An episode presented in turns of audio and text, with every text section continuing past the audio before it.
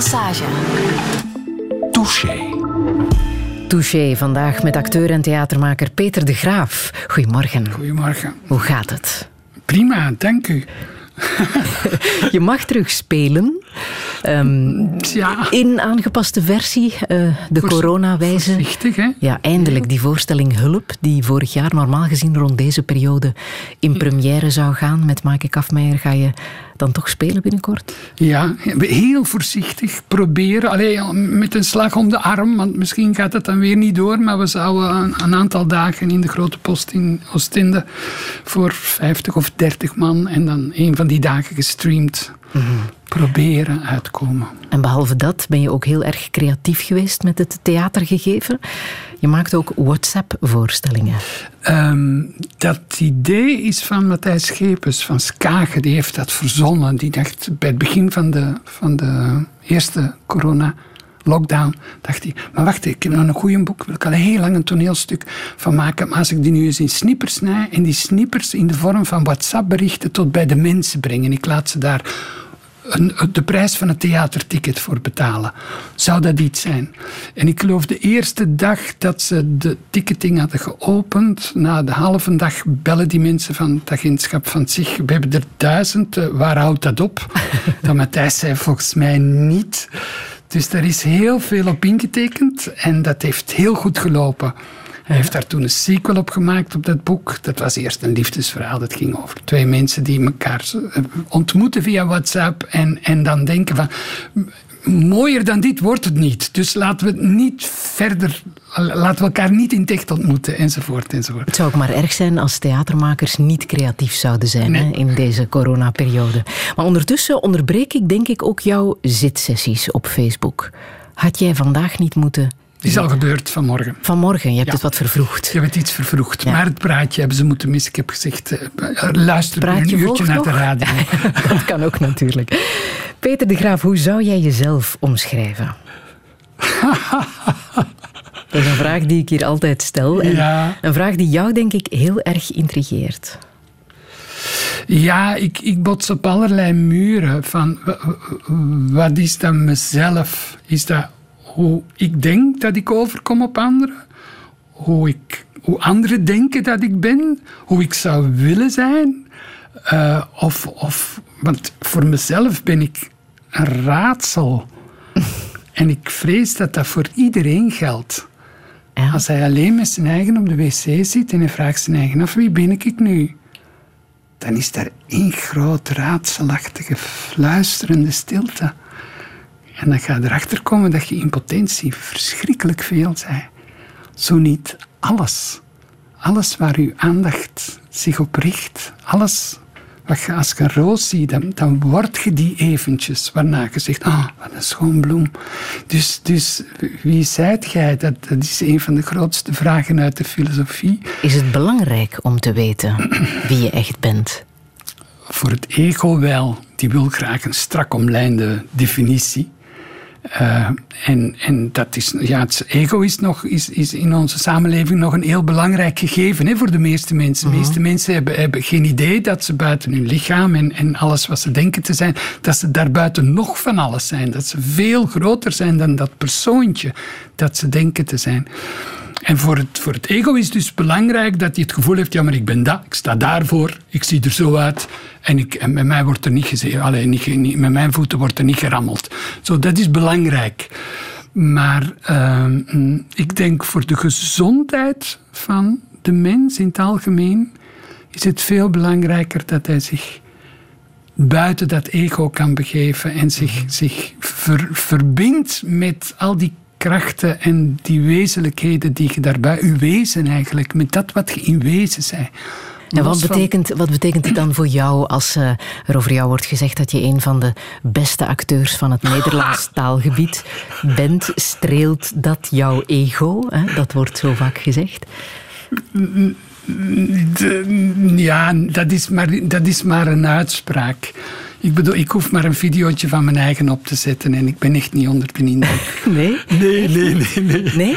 nee ik vind het zelf zo. De, de, de dingen waarvan ik dan dacht uh, toen het werd opgenomen, wauw, dit heb ik helemaal gescoord, dit heb ik goed gedaan. Dat ziet er niet uit. En de dingen waarvan ik denk, ah, dat is eigenlijk wel goed, daar ben ik me niet van bewust. Dus, dus ja, dat, dat is maar iets dat de mensen zeggen. Je kunt dat ook niet vergelijken, acteurs met elkaar. Ben ik dan beter dan mijn idool, Julien Schoenaerts? Ik dacht het niet. Hè? Want die is zo beyond. En, en ja... ja, het is prettig als ze het zeggen. Ik denk van, weet je wat, dan mag ik waarschijnlijk nog een beetje doorspelen als ze dat denken van mij. Ik zal iets anders over jou zeggen. Jij bent een uh, acteur met een permanent gebroken sleutelbeen. Ja, klopt dat? Dat klopt. Dat klopt, ja. Dus je hebt nu een gebroken sleutelbeen. Ja, het is radio. Ik hoef het toch niet te laten zien. Hè? Nee. Maar dat is, dat is inderdaad... Ik heb, ik heb uh, met mijn sleutelbeen... Ik geloof, geloof dat ik het op mijn 18 al voor de derde keer gebroken had. 18, dat weet ik nog heel goed. Maar daarvoor was ik heel klein. Twee van een stoel gevallen. Um, zes ook ergens gevallen. En dan 18 terug. Uh, rugbywedstrijd. Kwam een hele grote jongen van links op mij af. En ik had die bal onder de arm. En dat krakte zo erg dat ze dachten hij is op een tak gevallen. Ik zeg, nee, het is mijn sleutelbeen. Breng me maar naar het ziekenhuis. En toen is daar een heel dikke laag kalk rondgegroeid. Zo dik dat ik daarvoor afgekeurd ben voor het leger stond daar aan te schuiven van ja, ik kan geen rugzakken en geen geweren schieten, want ze vroegen alleen, ze zijn allemaal gehandicapt, met grote, grote lijsten, papier, pakken papier, die nog eens bewezen dat ze gehandicapt waren met hun ouders en die stonden daar te kwijlen en met hun hoofd te schudden en ik daar rond mee. Daar, daartussen mij een briefje van, van de dokter. Vroegen ze alleen, zei dat links of rechtshandig? Ik zeg, uh, rechts, rechtshandig. Ja, en dan de laatste keer, dat is nog niet zo lang geleden, toen we de laatste keer natuurreis hadden in Nederland. We hebben dat nu nog gehad, een paar, weken terug. Maar daarvoor was het een aantal jaren geleden. En ik ben in Nederland de schaatsfanaat geworden. Dus ik had mijn kinderen meegenomen. Kom, gaan eh, net over de grens, gaan we schaatsen. En we stonden eindelijk op het ijs. En ik doe één stroke en ik kom met mijn, met mijn mes in, in een barst terecht. Ik val en het is gebroken. Ik denk, fuck, ja, maar zeg, ik kan niet naar huis, kan alles nog. Nee, nee, dat zal wel meevallen. Ik ga nadien naar de dokter, zegt, kun je dit, kun je dat? Ja, dat is goed, oh, dat is goed, dat is goed. Het was allemaal gezwollen. Later, met een griepje, kom ik bij dezelfde dokter. Zeg, dokter, kijk nu nog eens naar dat sleutelbeen. Volgens mij heb ik een gewrichtje bij. Ze fuck, die werd helemaal bleek. Die zei, maar daar kunnen niet meer blijven lopen, zijn vriend. Dat is echt niet goed. Maar ik ben er toch mee blijven lopen. Ik had er geen last van. Anders moest ik daar een stuk ijzer in laten steken. En zo. Uiteindelijk dus. heb, ik, heb, ik, heb ik met dat sleutelbeen mijn rugzakken door de Pyreneeën gelopen, de Himalaya, de Andes. Nergens last van. Dus dat Het is een deel van Peter de Graaf. Yes, ik heb een extra gewricht. Je bent ook een man met een heel bijzondere, uh, intimistische muziekkeuze. Dat zullen we straks merken. Wil je daar al iets over kwijt? Moeten mensen bij het eerste nummer al op een andere manier luisteren? Ja, omdat ik, ik, ik, ik, ben, ik maak drama. En we kunnen muziek daar in drama prachtig gebruiken om een verzoenend tekentje te leggen over wat we laten zien. En ik wil altijd in drama graag het ergste van het ergste laten zien. Maar om het verteerbaar te maken, om het te sugarcoaten, leggen we daar dit soort muziekje over. En terwijl je nu luistert, raad ik de mensen thuis aan om beelden in zich op te roepen van een uh, landing. Soldaten die vanuit de zee in kleine bootjes zich schietend over het strand een weg moeten banen naar een vijand die goed verscholen in de duinen zit. En de vallen dooien. Uh, of, of denken aan een echtpaar dat, dat uit de grond van zijn hart ruzie zit te maken. En, en met koffiefilters naar elkaar gooien. En, en, en elkaar bijna naar de keel vliegen. En dan deze muziek erbij. Die komt eraan. Peter de Graaf, welkom in Touché. Radio 1. 1. Friedel Lassage. Touché.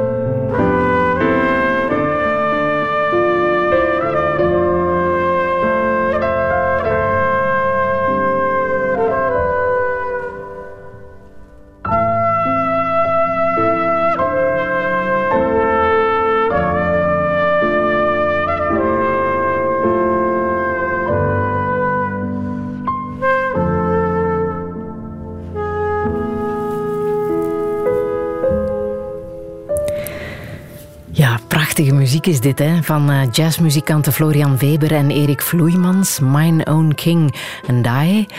Peter de Graaf, waaraan zet je zelf te denken? Uh, welke film speelde er in jouw hoofd terwijl deze muziek aan het spelen was? Ja, ik heb hem nu net opnieuw gebruikt voor de, het laatste stukje van Henri. Daar moest ik terug aan denken. Henri gaat over een man die zijn vrouw de kop inslaat. En een heel verhaal verzint dat hem eventueel tegen de politie kan vertellen. Hij, hij, hij had een, een, een, moeizame tot geen relatie met die vrouw, maar nu ze dood bij hem ligt, hij zit te wachten op de politie, realiseert hij zich plots dat hij veel van hem gehouden heeft. En terwijl hij dat vechten tegen de tranen bij hem opkomt, klinkt deze muziek. Ja. Je bent heel erg bezig met ehm, je innerlijke ontwikkeling. Hè? Ja. Wat is dat voor jou, innerlijke ontwikkeling? Wel, dat is proberen dat mysterie, dat, ik, dat raadsel dat ik ben of dat ik meen te zijn, daar, hoe langer hoe meer ont, ontvouwen. Probeer het te ontvouwen. Want die vraag, wie zijt jij? Als je nu bij de grote Indische heilige te raden gaat van hoe moet je werken aan je innerlijk, dan zeggen die allemaal, wie is het? Wat is het dat deze vraag stelt? Wat, wat, wat is het? Wat is het dat er uit uw ogen kijkt? Wat is het dat de geluiden hoort? Wat, wat is dat? Wat is dat? Dat wat, wat bewust is. Dus innerlijke ontwikkeling is, is vooral een eindeloos stellen van die, van die vraag. En, en daar, zonder daar een antwoord op te geven. Want je kunt natuurlijk zeggen, oh, de Peter is een acteur en alles. En oh, oh, oh. Zeg maar nee, dat is, dat is het niet. Dat is het niet. Want dat doet de deur onmiddellijk dicht. Dan is het gedaan. Mhm.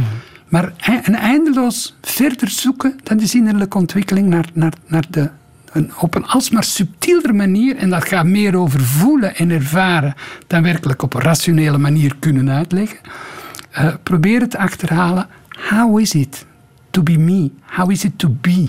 En dan kom je erachter, dat is super verbijsterend en interessant, dat alles wat je daar ontdekt in je binnenste, bijna voor iedereen geldt. Dat we binnenin, net zoals we van buiten twee oren hebben, een neus allemaal en, en een mond en twee ogen, zo hebben we van binnenin ook, ook zijn we enorm gelijkaardig zijn we, zijn we heel erg hetzelfde. We komen dezelfde weerstanden tegen, dezelfde, mm, ja, uh, uh, hetzelfde verzet tegen, tegen dat onderzoek ook. Want eigenlijk wil de mens altijd afgeleid zijn en hebben van alles te doen. En er komt voortdurend van alles in je hoofd op. Dat veel interessanter is dan stilzitten en in je binnenste afdalen. Dus, dus ja, je ontmoet daar in wezen wat het is om mens te zijn. Je ontmoet de hele mensheid. Dat is verbijsterend. En wat maakt dan het verschil? Is het het verhaal dat we uh, zelf meemaken? Iedereen heeft zijn eigen verhaal. Dat uh, die andere werkelijkheid, die andere, die persoon, die, dat ego maakt? Is het dat? Ja, daarin onderscheiden we ons van elkaar. Door, wat we hebben meegemaakt. Ja, en door de, de ego is eigenlijk een werkwoord. Hè. Dat wil zeggen het, het vermogen of het spontane zich verpersoonlijken met alles wat er u onder ogen komt. Of het, of het, het spontane uh, weerzin hebben tegenover, om het even wat. Dus ik, heb dat bij mijn hond ook gezien. Ons waarnemingsvermogen zit zo in elkaar dat we, dat we de wereld opdelen in wauw, dat vind ik geweldig. En eh, dat vind ik slecht. En dan is er nog een hoop dat er binnenkomt via onze zintuigen, maar waar we geen mening over hebben. En dat wordt prompt vergeten. En het zijn, het zijn vooral tussen wauw en eh, dat, dat, dat er zich een persoonlijkheid vormt. Maar mijn hond heeft geen persoonlijkheid, dus die klampt zich daar niet aan vast. Van hier sta ik voor, voor ik ben daarvoor. En, uh, die doet dat allemaal niet, die vergeet alles om, vrijwel onmiddellijk. Terwijl wij wel, wij vormen daarvoor ik vind dat goed, ik vind dat zo zou moeten. Ik vind, en daar ben ik tegen, dat haat ik. En dat zijn relatieve dingen, die zijn niet absoluut, terwijl we ze vanuit ons ego wel als absoluut ervaren. En daar ook in gevangen geraken. Terwijl het, het, het zachtjes aan verzachten van die absolute werkelijkheden, dat werkt bevrijdend van het egotische. Helpen die zitsessies, het, het mediteren, helpt dat om jezelf te vinden? Ja, Je ziet dat ik het met een zekere aarzeling zeg. Mhm. Omdat als ik, als ik, als ik het te, te ehm, eager, te, als ik daar te fel op inga, dan lijkt het alsof het een wondermiddel is. Ja, ga zitten en klaar. Terwijl het is een zeer weerbarstige oefening. Voor vele mensen niet meteen weggelegd. Ik zelf ook heb eerst een jaar andere oefeningen moeten doen. Voorbereidende, reiki-achtige dingen. Want je bent ermee begonnen op je veertigste ongeveer. Hè? Ja. Dus je Ja. doet het al meer dan twintig jaar. Ja, Elke dag ja, zitten. ja. Uren aan een stuk. Twee per dag. Dat is veel, hè? Ik weet niet. Ieder-? Iedereen zit toch makkelijk twee uur op internet per dag. Is dat veel? Of, of, of voor media, naar een scherm te kijken? Maar dan is zitten niet de hoofdzaak. Bij jou Nee. is het echt zitten en verder niks. Nee, ik zit daar buiten ook nog twee uur per dag op het scherm te Voilà. kijken. Ja. Maar wat gebeurt er als jij dat doet tijdens die zitsessie? Nu, na al die jaren ben ik natuurlijk zo getraind dat ik vrij vlot in een, onwaarschijnlijk diepe vorm van, van ontspanning kom. Mijn lichaam doet dat. Mijn lichaam weet het. Van, ah ja, deze houding, uitademen, klaar. Eh, moet dat want dat is een beetje moeilijk om over te praten, omdat de mensen thuis niet die ervaring hebben. Dus de, de- mist een beetje referentiekader. Maar je moet het, je moet het voorstellen als naar, naar de zee gaan, op het strand gaan zitten. Dikwijls voor je vertrekt neemt ook van alles mee. Nog iets van het werk dat je moet regelen, een boek die je moet lezen. blablabla. En dan zit je daar. En dan blijft het allemaal in die tas zitten, wat je van zin waar te doen op het strand. En je gaat gewoon een beetje zitten rondloeren. En een beetje zitten en, en eens naar de zee en eens iets eten en terug wat zitten of even liggen misschien. Daar, daar lijkt het heel erg op. Daarom dat ik daar naar uitkijk, dat dat geen moeite kost. Mensen zouden het niet moeilijk vinden om twee uur per dag op een strand te moeten gaan zitten. En daar lijkt het heel erg op.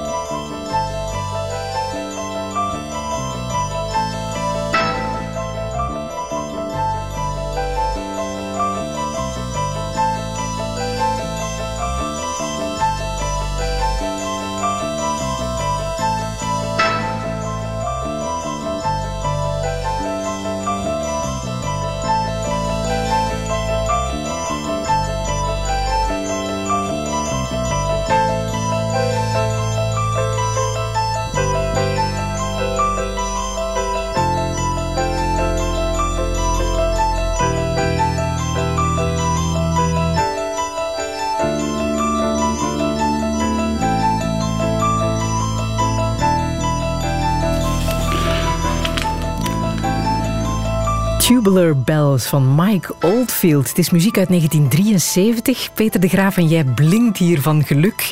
Dit doet iets met jou, hè? Dit soort muziek. Ja, de- die- ik dacht wel, ik, ik laat het nog eens door Vlaanderen schallen. Iedereen die 60 is, die kent nog die, die platenhoes. Dat was toen een hit. Is volledig in, de, in, de, in, niks verdwenen. Niemand kent dat nog. Iedereen van onder de 40 zal denken, wat een raar muziekje, voor wat draai is dat nu? En, en toen was het bijna een statement dat je die plaat in je collectie had zitten. En iedereen had die daarin zitten. Daarmee wouden bijna zeggen, ik rook hier gras. Want zonder, zonder een beetje gras vonden dat ook saai.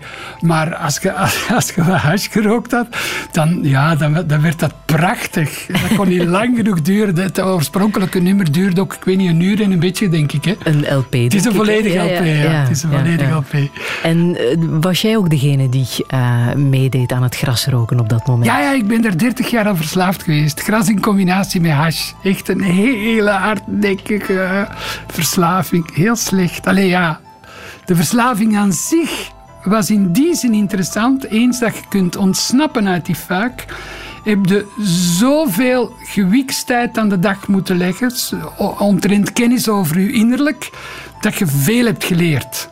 Mhm. Dus als, als, als uh, uh, weerbarstige oefening om, om voor innerlijke ontwikkeling. Maar ik zou nu niet willen aanraden. Mensen worden rap verslaafd en probeert er dan uit te komen omdat het een goede oefening in, in innerlijke ontwikkeling is. Maar ik heb daar echt zeer lang mee zitten worstelen. Echt heel fundamenteel, hard. Uh, uh, ja. Een verslaving staat meestal voor een gemis. Hè? Heb jij zelf een verklaring voor waarom jou dat is overkomen? Ja, mhm. de, de jeugd was verfrommeld genoeg om daar allee, om, om eindeloos veel aberraties in mijn leven toe te laten.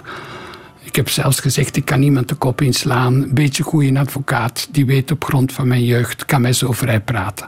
Hoe verfrommeld dus, was die Verfrommeld. Uh, moeder is gestorven toen ik zeven was. Vader had polio en was uh, borderline, heb ik na zijn dood ontdekt. Uh, oudste broer was mentaal gehandicapt omdat mijn moeder uh, rode hond had tijdens de zwangerschap. Ik zelf heb vanaf mijn vijf in de kostschool gezeten. Dat zeiden nog vreselijk klein. zag ik bij mijn eigen kinderen voor het eerst. Dus, dus daar, daar, dan later trouwde mijn vader met iemand. Dat was ook een, een, een, een moeizaam huwelijk. we gingen met, met z'n allen met mijn broer op een klein appartementje wonen. Met, met twee ruziende echte lieden. Writer's Goldmine. Dus je gaat me niet horen klagen. Maar, maar uh, dat vertaalt zich dan later soepel in, in het aangaan van relatie met, relaties met andere mensen die ook verfrommeld zijn, die ook uit iets komen. En, en je herkent het gekwetste kind in elkaar. Dat voelt als, als oprechte, diepe, prachtige liefde. Je gaat de relatie aan en na verloop van tijd beginnen al die spoken uit het verleden langs beide kanten. Wordt er geprojecteerd en komt in iets terecht dat, dat niet te beheersen is. En waardoor je elkaar terug moet loslaten. En dus, dus dat is, dat is een, een, een, zeer lange constante geweest in mijn leven. Waardoor ik heel veel heb zitten studeren op hoe, is, hoe zitten relaties in elkaar. Naar, naar therapeuten gelopen, boeken gelezen. Uh, over, over verslaving, relaties. En, zo. en ik heb dat inderdaad, die, die, die, uh, die stal moeten uitmisten. Voor, ik, voor, het, voor het van me afviel. Het, het, uh, De verslaving. En was je je als kind bewust dat jouw jeugd geen doorsnee jeugd was? Nee, dat heb je niet door. Of kinderen zijn bijzonder veerkrachtig. Ze denken, Amerikaan daartegen. Was dat bij jou zo? Ja, ja, ja. Ik ben veertig moeten worden voor ik eindelijk ben beginnen rouwen over mijn moeder. Naar aanleiding van een relatie die toen ook stopte dat ik zo begon te huilen en dat ik me voor het eerst herinnerde, ah, op de kostschool toen ik vijf was, heb ik ook zo gehuild. En na drie dagen heb ik gedacht, er is er maar één die kan stoppen met huilen, dat is de gij. Dus dat moet je nu doen, gewoon om te overleven. En toen voelde ik dat terug op mijn veertigste. Datzelfde gevoel van, van toen ik vijf was. En dat ik heb gedacht van, uh, en nu hoefde jij niet te stoppen met huilen. Huil maar. Het huilen moet stoppen met u. Maar als je pas op je veertigste begint te rouwen om de dood van je moeder, betekent dat dat ze als kind um, ook niet in de verhalen aanwezig was? Nee. Totaal niet?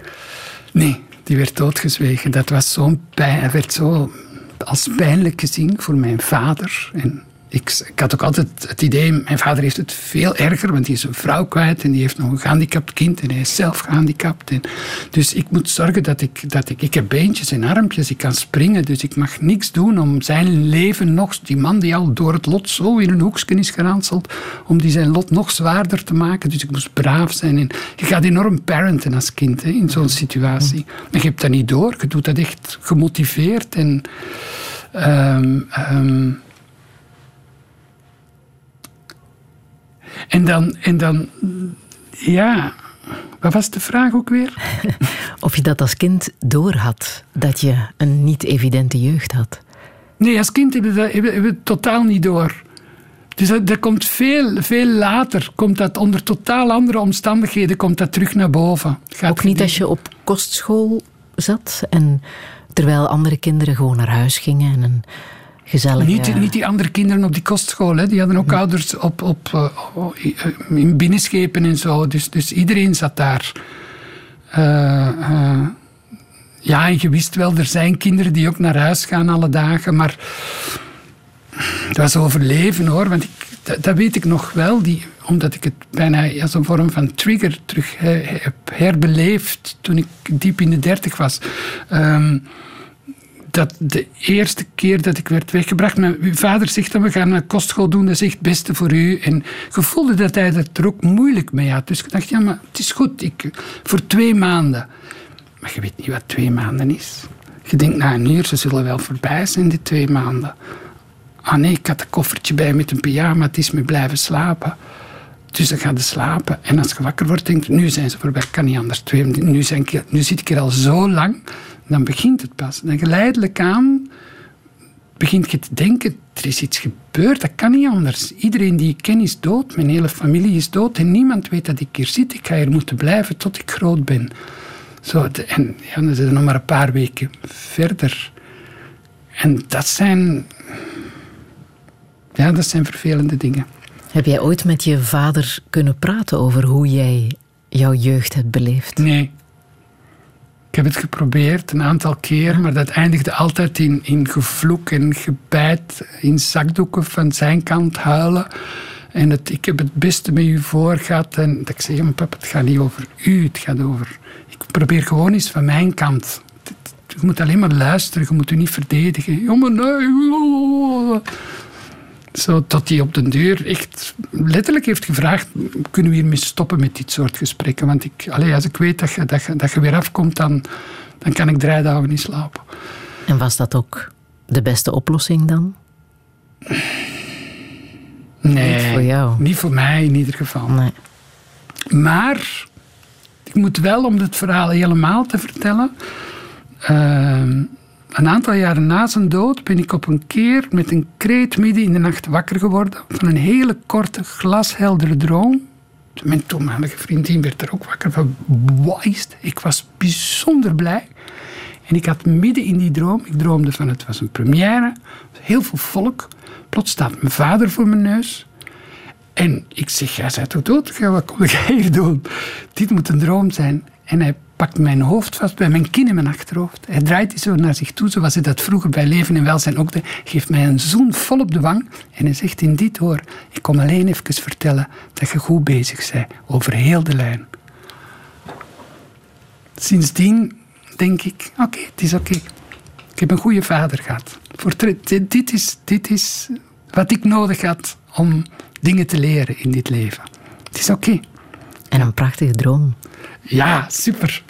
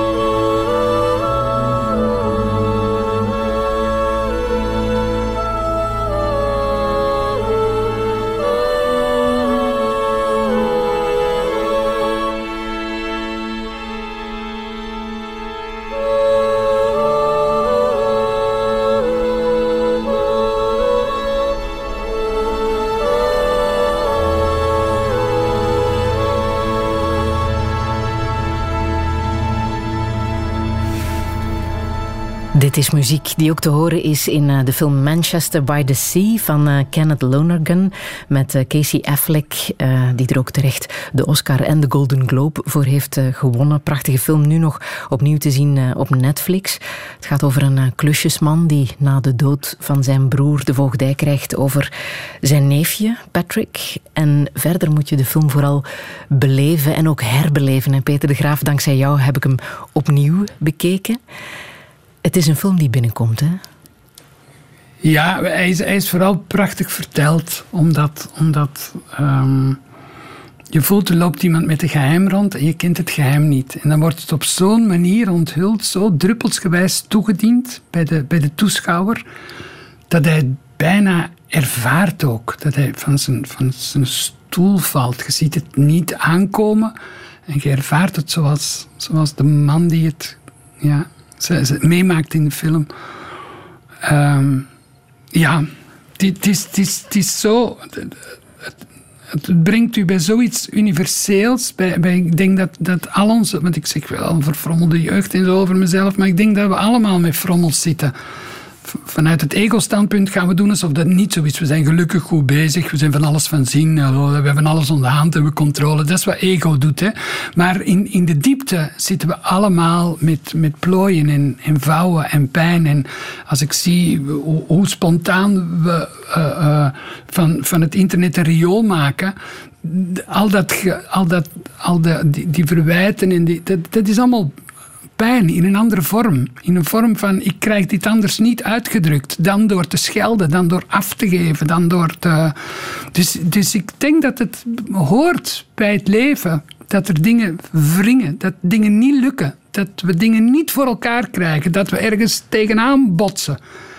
En daar zijn we ons te weinig van bewust, want vanuit de, de, de consumptieindustrie krijgen wij heel erg het idee door van het leven is maakbaar en je kunt er een paradijs, een droom enzovoort van maken. En, en als u dat niet lukt, dan ligt het aan uw eigen. Dat is flauwekul.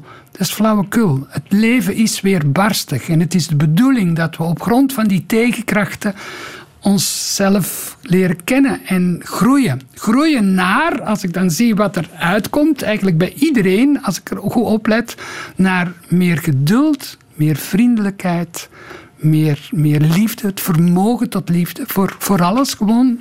Uh, uh, dat, soort, dat soort eigenschappen zijn de dingen die we leren door de tegenslagen die we tegenkomen. Mhm. Dat is bijna een fundamentele wet die, die, die we volledig buiten, buiten ons, ons, uh, ons zicht toch geldig is bij mhm. iedereen. En in de film krijg je, krijg, je, krijg je heel goed dat gevoel. Bedoel, die film legt niks uit, dat is geen theorie. Ik ben hier nu iets aan het uitleggen, dus dat kruipt in je hoofd. Dat, dat, dat, dat, wordt, dat, dat wordt rationeel verwerkt en zo. Maar in de film je het niet door. Je zit op gevoelsniveau te kijken. Je zit in het verhaaltje, je zit in het verhaaltje. En je, je, je begrijpt met je gevoel van, oh, ja. Ik heb proberen te kijken met de ogen van Peter de Graaf, voor zover ik die uh, ken en heb natuurlijk. Um, maar ik zat me wel te bedenken, jij hebt in jouw leven ook een moment gehad waar je heel anders naar de wereld keek.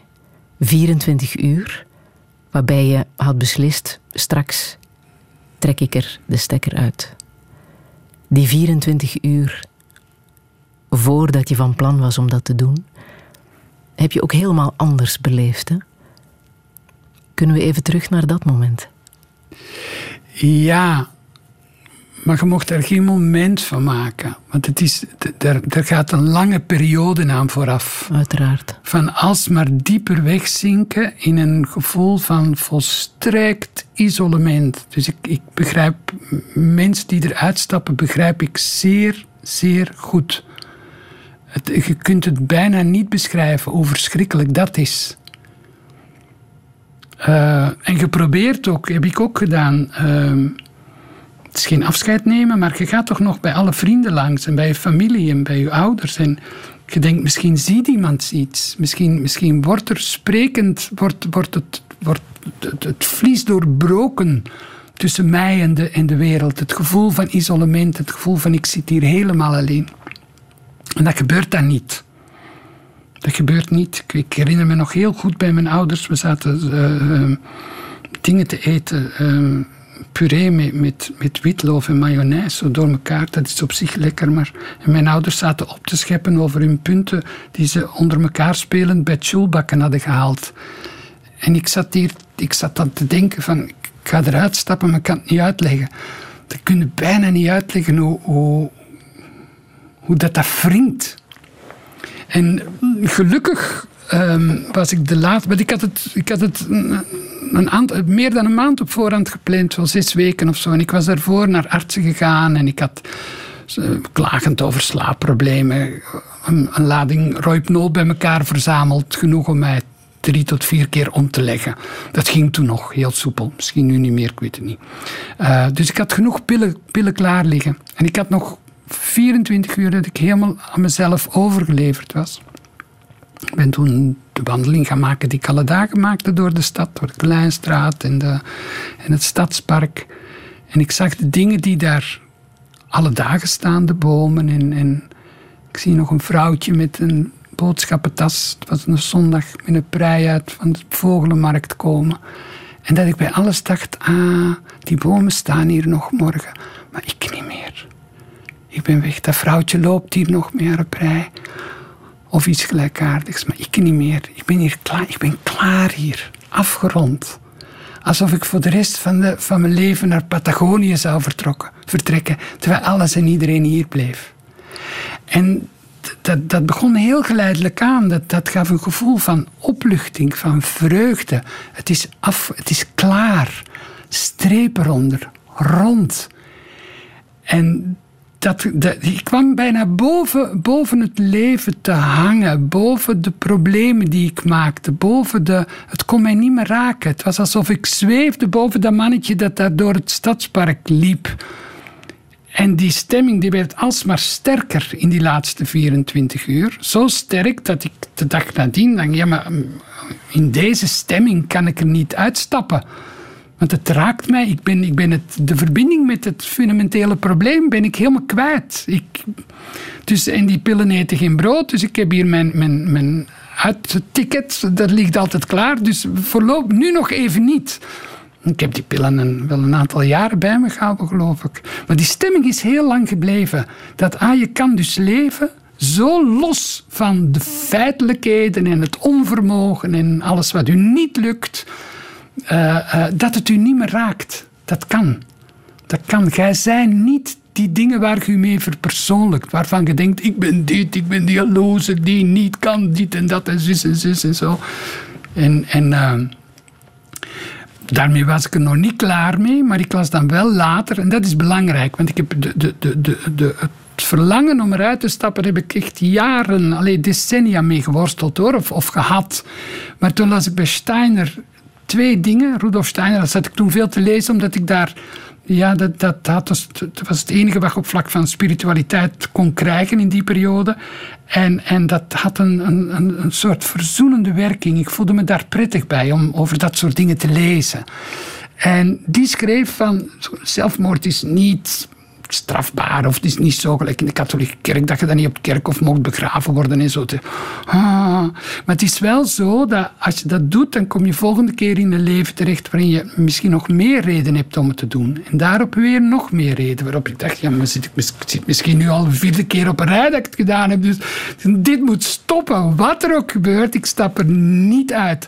En een ander ding wat hij beschreef is wat er gebeurt bij iemand die eruit stapt. Vanaf het moment, ik vind het belangrijk dat ik, het, dat, ik dat hier vertel, want anders denken ze alleen het verhaaltje van daarboven. Vanaf het moment dat je je lichaam verlaat, word je overvallen door spijt gelijk daar op hond omdat je voor je geboren wordt, krijg je het hele landschap van je leven te zien met de, met de ups en de downs.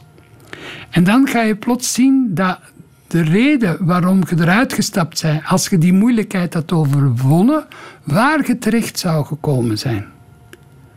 En door dat te zien, als je sterft, krijg je die film terug te zien. Door dat te zien, wilde eigenlijk direct terugdenken. Ah nee, nee, ik had dat niet moeten doen, sorry. Maar het gaat niet meer, je lichaam is kapot. Je kunt niet. Dus je moet, je moet een volgende gelegenheid afwachten om precies dezelfde oefening terug te doen. Precies dezelfde moeilijkheid terug door te maken. En dat zijn dingen die mij enorm hebben gemotiveerd. Van hoe erg het ook wordt, ze moeten me maar komen halen. Ik stap er niet uit. Van ze leven niet. En dan later heb ik bijvoorbeeld op YouTube is er een filmpje, als je gaat kijken naar Springer Golden Gate Bridge, komt er een jongen die vertelt letterlijk wat Steiner heeft gezegd. Ik had de reling nog niet losgelaten. Hij heeft het gelukkig overleefd. Meesten overleven die sprong niet van de Golden Gate Bridge. Ik had het nog niet losgelaten of ik had, ik had spijt. Ik was verschrikkelijk, verschrikkelijk veel spijt. En die jongen die helpt nu de politie van Los Angeles om springers op de brug om te praten. Sturen hem daarop af van, ga eens met die mannen praten, er staat er weer een. Wat maakt jou nu gelukkig? Bestaan. Allee, er zijn. Ik, ik, er zijn, ja, gewoon be, bus. dat, dat, ja, ik ben, het gaat mij onbeschrijfelijk goed. Zonder meer al een aantal jaren aan een stuk.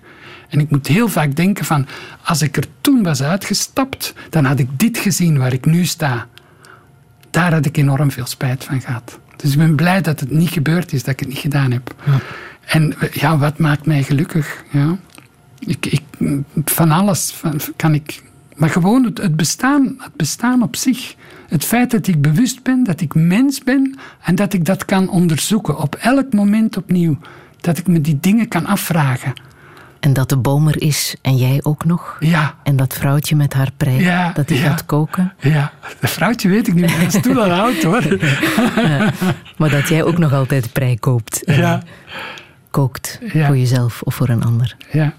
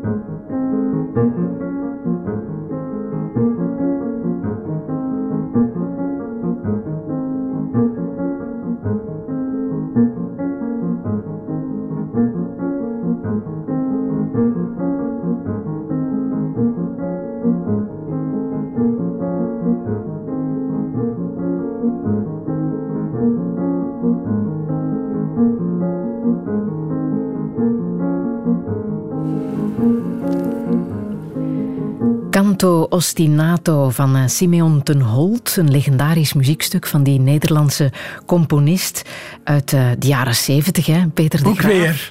Ja, ja, ja. Wat raakt jou zo in, in deze muziek? Het is, het is het, allez, ik ben nu geen, geen grote concertganger, nooit geweest. Maar het is uh, het, het, het, beste concert dat ik ooit heb gehoord. En dat waren, het was maar met twee piano's. Oorspronkelijk is het voor vier geschreven. Het uh, was een lichtconcert een aantal jaar geleden in Eindhoven georganiseerd. Dus iedereen bracht matjes mee en je kon gaan liggen. En ik kon op mijn matje ook in, in lotushouding gaan zitten. En, en dat vanuit totale ontspanning en getraind als, als mediteerder die muziek binnenkrijgen. En ja, dat, dat was een onbeschrijfelijke ervaring. Ah, is het ook die herhaling? Ehm, Nou, de, de herhaling, weet je, de, de herhaling is, is iets waardoor, je, ah, zo, ah. maar dan is er plots één variatie, één nootje, eentje. Oh, nog eentje.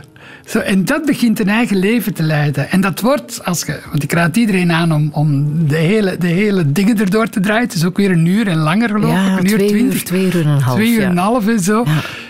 Op het einde wordt dat, wordt dat symfonisch. Dat, dat wordt ongelooflijk hoe, hoe, hoe dat gaat door, blijft doorvariëren tot iets waar je bijzonder blij en gelukkig van wordt.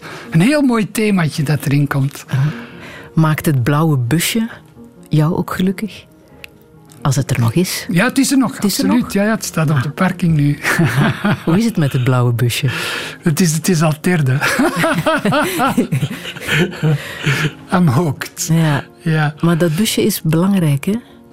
Op een of andere oh, manier. goh, ik, ik woon in de stad en ik kan me met zo'n ding klem gaan rijden in de natuur, in de bossen van, van de Franse Ardennen of zo, waar echt niks en niemand is. En, en dan heb ik alles bij me om te slapen en te, te- in de natuur te, te zitten, te mediteren.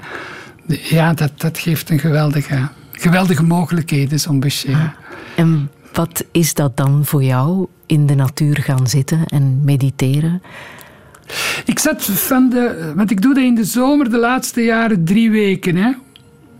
In plaats van op vakantie te gaan, ga ik op vakantie naar binnen. Het klinkt een beetje als een loser, ik weet het.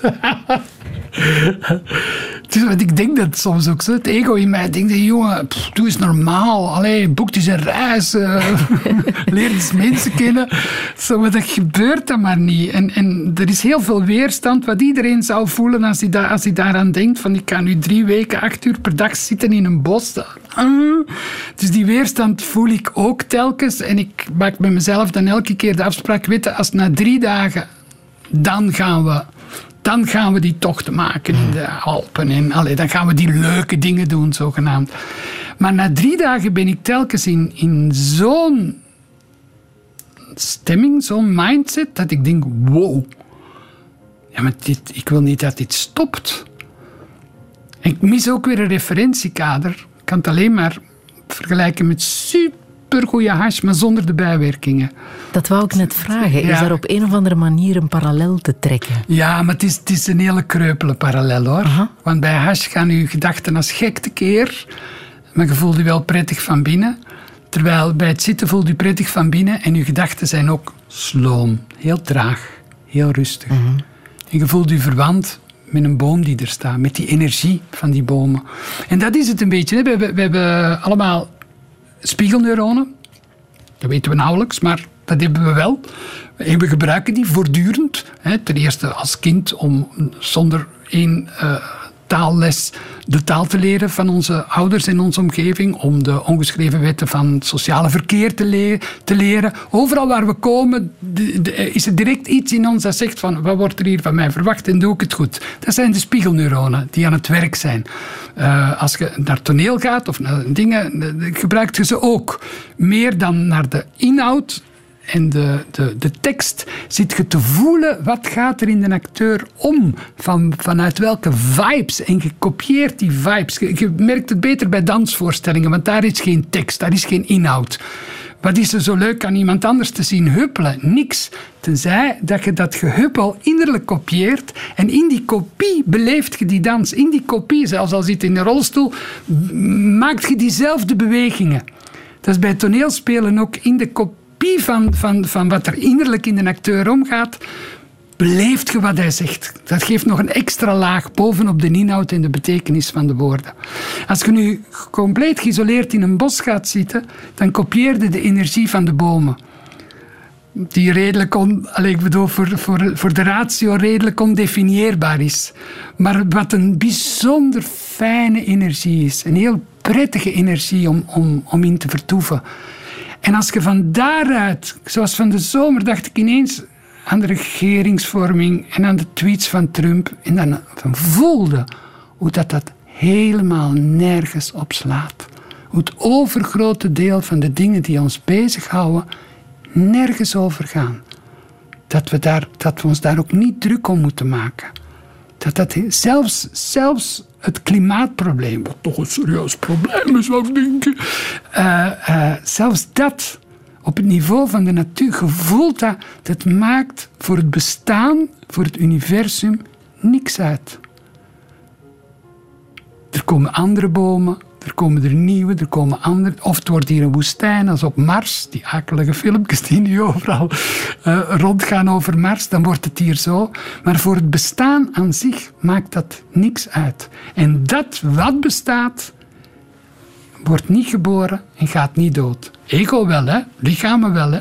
maar onze wezenlijke kern niet. En daar maakt op een of andere mysterieuze manier contact mee. Maar ik ben nu aan het klik, klik, klik, klik, klik. Ik ben, er een gebabbel van aan het maken. Hè?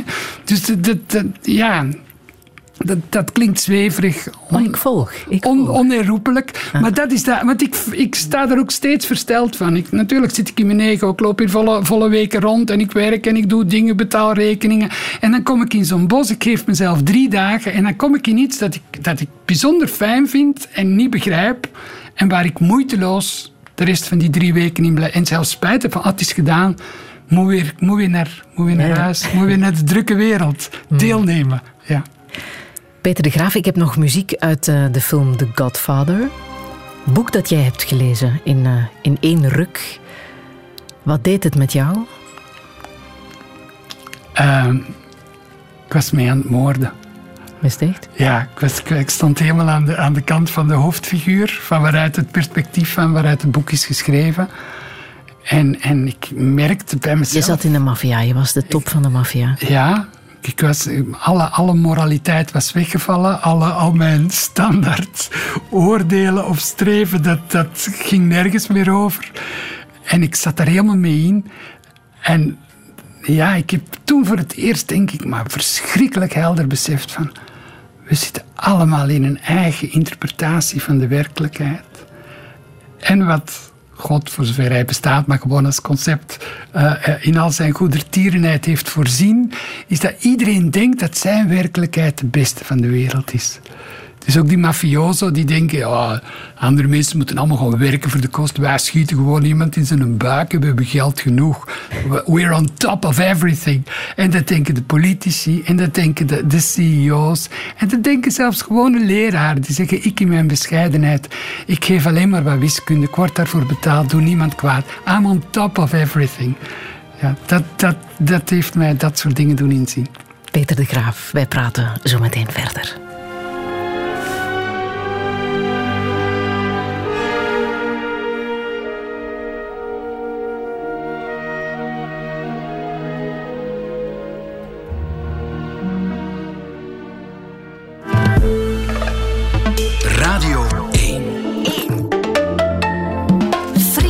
Massagem.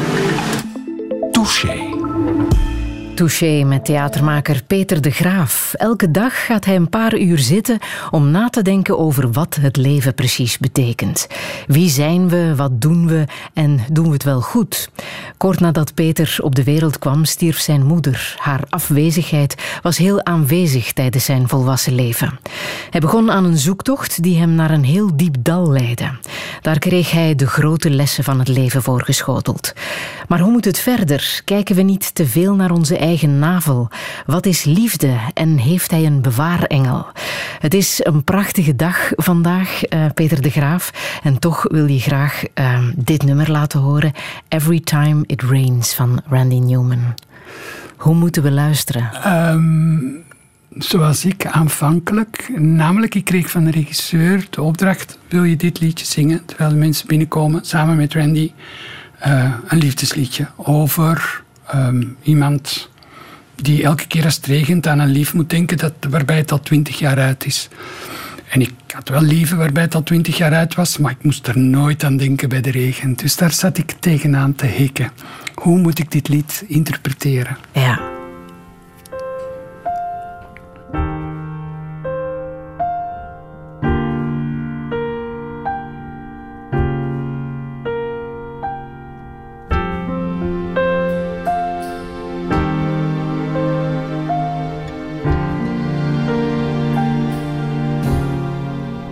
Every time it rains. I sit at home and wonder why. Ever since you said goodbye, I felt so all alone. Every time it rains. Dat is het uh, stroofje waarmee het ja. begint. Peter de Graaf. Ja, en in die periode was nog altijd aan het, aan het worstelen met drank en alcohol. Uh, therapie, alles wat je kunt verzinnen, overal. En Koen van Impel, collega, die zei: ah, Ik weet een hek zitten in, in, in Boom, een Wicca mevrouw. Ga daar eens naartoe. Wanhopig genoeg, denk ik, kan op, in, de, in het ergste geval is niks. Hè, dus ik ga er naartoe. Dat is echt iemand die in, in, een, in, een, in een heksenhuisje woonde, ergens in de modder, achter de Schelde, bij Boom. Stond daar ook naar de nicotine. En die hadden een pendeltje boven en die ging kijken bij me. Dus ja, zei, ik zie uh, vijf entiteiten in uw energiesysteem zitten. Whatever that may be. Drie daarvan zijn dronkenlappen. Dan heb je één waakhondkind. Heb jij ooit in, in, in een gesticht gezeten of zo? En uw moeder leeft die nog? Nee. Ah, wel, die zit daar ook nog. Die moeten alle vijf. Want jij zelf drinkt niet zoveel. Na een pintje heb je al genoeg. Maar dan pakken die mannen het over. En zo'n entiteit, dat zijn overleden uh, dronkenlappen, die zijn aan de drank gestorven, die schamen zich zo diep over hun verslaving dat ze vinden dat ze niet het recht hebben om naar de volgende wereld te trekken. Dus die blijven in de buurt van de aarde-energie hangen en die zoeken een slachtoffer om, om terug iets van, van, van hun vroegere roes te kunnen voelen. Maar die hebben geen lichaam, dus die gebruiken uw lichaam. En als jij een beetje gedronken hebt, pakken die het over. En dan moet je heel veel drinken, opdat die mannen een klein beetje zouden kunnen voelen. Geloofde je dat? Nee. Flauw. Kan mij, ik denk, allee, ja, maar bon, het, is, het is een leuk verhaal. Het zou kunnen. Het, uh, allee, zo dat. Het is goed theater. Ik, ik verwierp het ook niet volledig. Mm -hmm. Maar ze zei, jij kunt, dat, jij kunt daar zelf, want jij mediteert dan en zo. Doe die en die meditatie, brand een witte kaars, 21 dagen aan elkaar, bla bla bla. Zeg tegen uw moeder, zeg tegen die mannen bedankt, enzovoort, enzovoort. Zodat, want ze brengen u in dit gebied waar je anders nooit werkt. Dus ja, ik zat sowieso in die periode al elke dag. Dus of ik nu aan niks probeer te denken of aan dat soort dingen. Dus ik deed precies wat ze heeft gedaan. Na 21 dagen ben ik dit aan het spelen. En uh, ik denk ineens, terwijl dit liedje loopt, in plaats van ik weet niet hoe ik het moet interpreteren, want ik heb geen lief, denk ik ineens, je moet aan je moeder denken. En met dat ik op deze tekst aan mijn moeder begon te denken, every time it rains, I sit at home and wonder why, huilen, huilen, huilen, huilen, huilen. Ben na de voorstelling naar technieker geweest. Mag ik de cd mee hebben? In de auto verder gespeeld. Halen, halen, halen. Thuis die cd mee naar binnen genomen. Halen, halen. Huilend. Als een kind, maar prettig huilen. Dus het voelde goed. Als een kind in slaap gevallen. Van, van moe van het huilen. Volgende dag wakker geworden het gevoel dat er iets weg was binnen in mij dat er altijd heeft gezeten. Het is, het is een zeer vage, een ongelukkige omschrijving. Ik weet het, maar ik kan, kan met andere woorden niet duiden. Een week later ben ik gestopt met roken en drinken en ik heb het nooit niet meer aangeraakt. Dus uh, dit is geen wetenschap, maar ik geloof wel dat we met onze verbeelding dingen kunnen die we niet mogelijk voor mogelijk achten.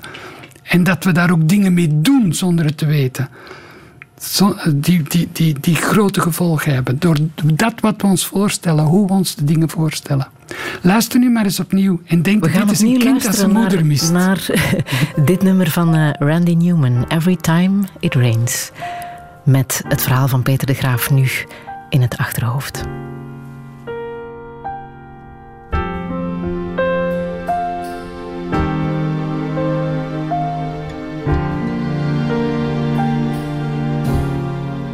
Every time it rains. I sit at home and wonder why. Ever since you said goodbye, I felt so all alone. every time it rains. Summer showers soak the ground. I watch the rain come pouring down. And I call out your name. Every time it rains, I hang my head and wanna die. And I don't seem to care that I just not making it on my own. Every time it rains.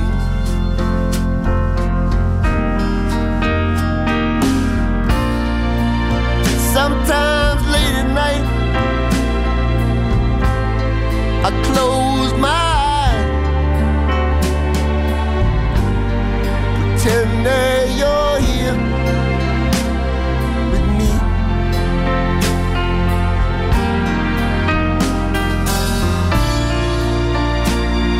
Every time it rains,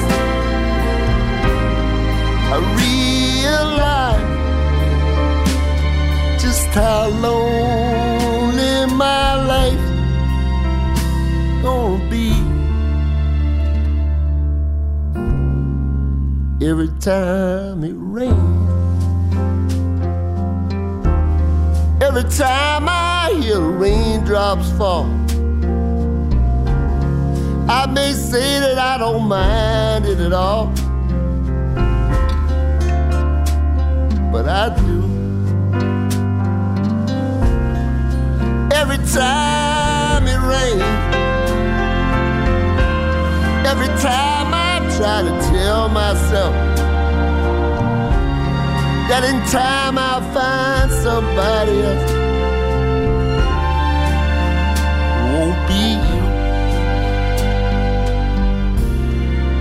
Every time it rains. Every Time It Rains van Randy Newman. Peter de Graaf, er gebeurt van alles hier in eh, de studio. Waaraan denk jij nu, op dit moment? Ja, mijn, aan mijn broer. Die zit waarschijnlijk te luisteren. En ik weet niet, ik denk niet dat hij dit verhaal kent. Dus die zit nu ook aan zijn moeder te denken terwijl hij deze, dit liedje hoort. Dus ik ben heel benieuwd. Ga hem straks bellen. Waarin lijken jullie op elkaar? In niks. Nee, dat is, dat is echt... Ja? Hij is echt totaal anders dan ik. Hij heeft in de industrie gewerkt en, en, en ja, ik ben een rommelaar en hij is, hij is heel chic. En, en ja, ik rij met een busje, hij met een Porsche. Echt totaal verschillend. ja, echt totaal verschillend. Gek als je toch uit eenzelfde... Hij is heel sociaal, ik, ik heel teruggetrokken. Ja. En Ach, leren jullie eh, iets van elkaar? Ja, dat is verbijsterend. Op, op zijn manier is hij met dezelfde dingen bezig. Is hij, is ook heel erg mee naar binnen gaan bezig en, en de, de raadselen van het leven. En heel, heel erg door betrokken. En wat, wat vooral een enorme band schept, is, is dat we we zijn de twee enige mensen die, die weten hoe het was in dat gezin vroeger, toen mijn vader pas hertrouwd was. Hoe het was op de kostschool, hoe het was daarvoor in dat dorp waarin we zijn opgegroeid. En, en we hebben nog herinneringen aan de ander die, die, die, die we zelf vergeten zijn en zo. Dus dat is, ja, dat is verbijsterend. Dat schept een band. Het is raar ook, ja, want een paar jaar geleden, ehm, mijn moeder moest, mijn stiefmoeder naar het, eh, naar het bejaardentehuis. Moesten we dat appartement leegmaken en vonden we voor het eerst tientallen foto's van mijn biologische moeder. Voor het eerst, want die werd doodgezwegen. We hadden maar één statiefoto. Allemaal stonden we daar als twee zestigers met de tranen in onze ogen, gebogen over foto's van, van ja, 60 jaar geleden. Dat is een heel verbijsterend tafereel. Heel gek was dat. Ja, en dat deel ik dan met hem, maar dat kan ik met niemand anders. Niemand anders kan daar op dezelfde manier naar die foto's kijken. Stel dat je toch eens zou kunnen praten met je moeder. Wat zou je dan zeggen? Het zakt. Wat bedoel je daarmee? Ja.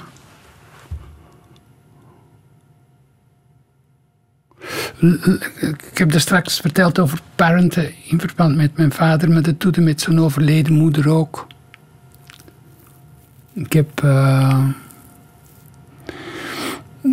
ooit wel eens een boek gelezen, een studie van een Amerikaans psycholoog over wat er gebeurt met kinderen die één ouder missen. En het blijkt dat die allemaal proberen zeer succesvol, of toch succesvol te zijn in, in het leven. Het geldt voor mij en mijn broer. Uh, uh, maatschappelijk, hè. mag dat wel zeggen, denk uh, maar dat ze zelf niet genieten van dat succes. Ze vinden daar niks, want ze hebben daar die ouder niet mee terug. En heb ik tijdens een van mijn uh, dingen, therapie-sessies met een therapeut met een mattenklopper op, op, op een kussen moeten slaan om woede boven te krijgen. Die zei, er, er is verdriet over je moeder, er moet ook woede zitten. Ga er naar op zoek. Ja, maar ik kan die niet kwalijk nemen, die was ziek, die is gewoon zelf. Ik bedoel, ja, maar toch overal waar, waar verdriet is, is pijn. En die twee, daar heb je contact mee. Maar er moet ook woede zijn. En toen, uh, ik weet dat ik lange tijd, mijn hele leven, altijd gedacht heb: het topmoment van mijn leven zal zijn als ik dood ben. En tussen de familieleden die me staan op te wachten, aan de andere kant staat mijn moeder. Voor de eerste keer ga ik haar zien.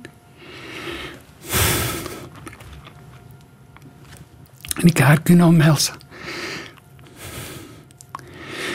En toen met die mattenknopper uh, weet ik dat ik verschrikkelijk boos werd en dat ik zoiets dacht van... En als jij je ooit durft te vertonen nadat ik sterf, ik zit je achterna door de hele hemel, dat alle heiligen en goden het mogen horen en zien, dat het niet leuk was zonder u. Dus dat is misschien wel. Maar ondertussen, je vraagt wat zou je zeggen, moest je moeder. Maar ik moet eerlijk zijn.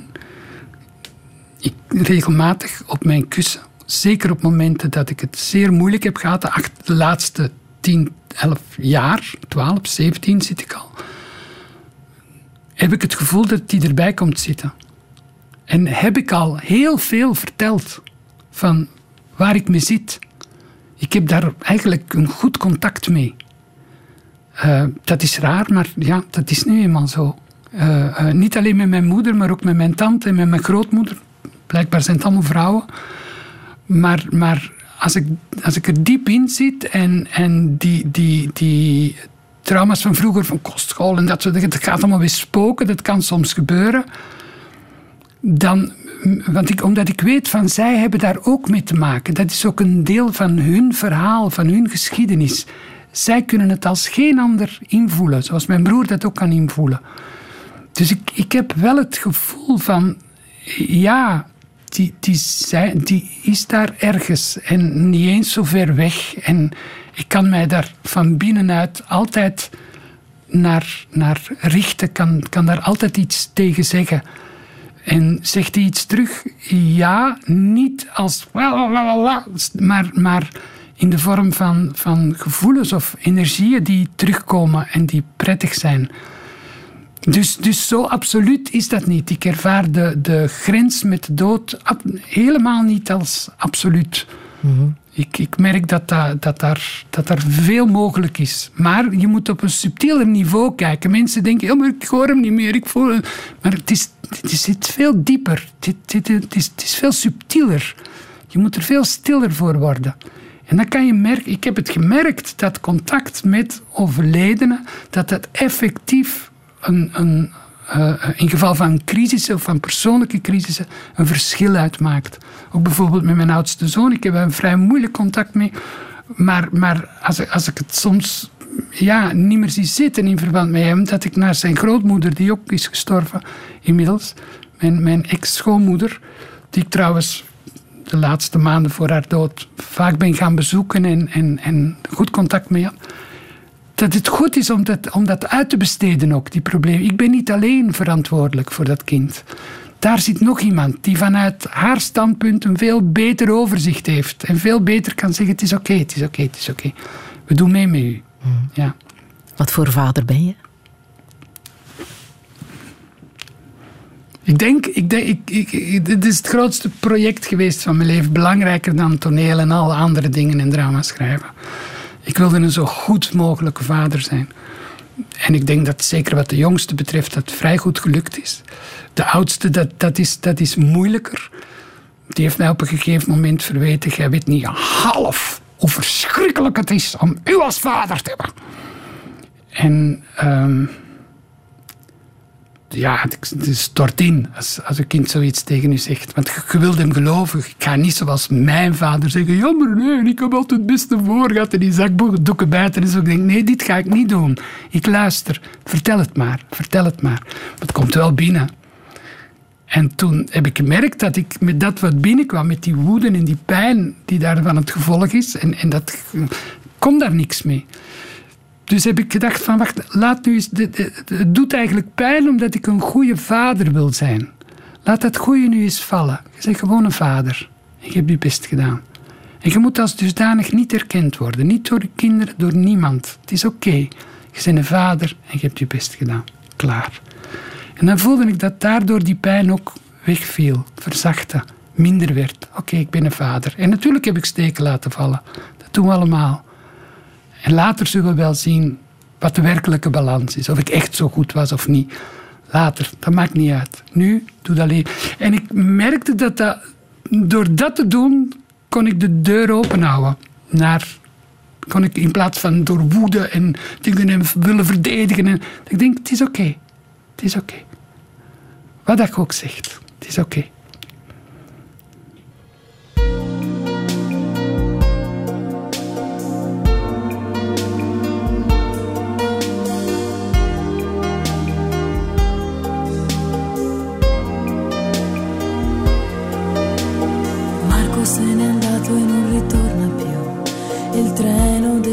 20-30 senza lui è un cuore di metallo senza l'anima. Nel freddo del mattino grigio di città, a scuola il banco è vuoto, un marco è dentro me. È dolce il suo respiro fra i pensieri miei. Distanze enormi sembrano dividerci, ma il cuore batte forte dentro me. Chissà se tu mi penserai se con i tuoi non parli mai, se ti nascondi come me, sfuggi gli sguardi e te ne stai, rinchiuso in camera e non vuoi mangiare, stringi forte a te il cuscino e piangi e non lo sai quanto altro male ti farà la solitudine.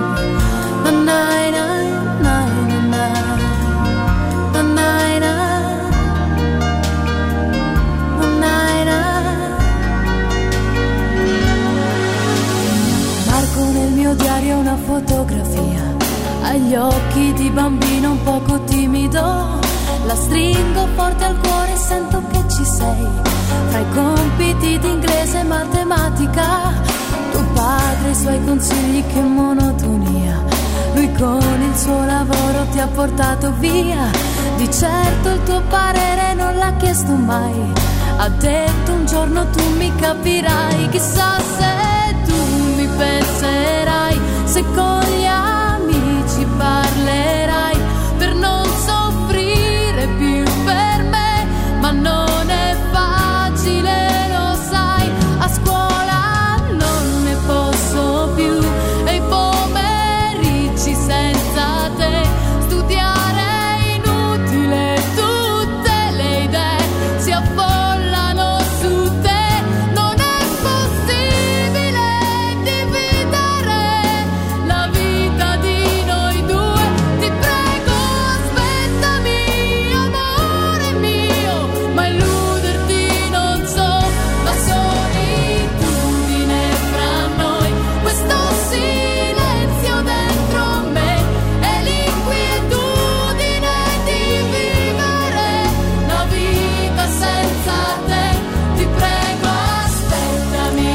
Laura Pausini met La Solitudine. In 83, nee, in 93 won ze met dit nummer het eh, befaamde festival van eh, Sanremo.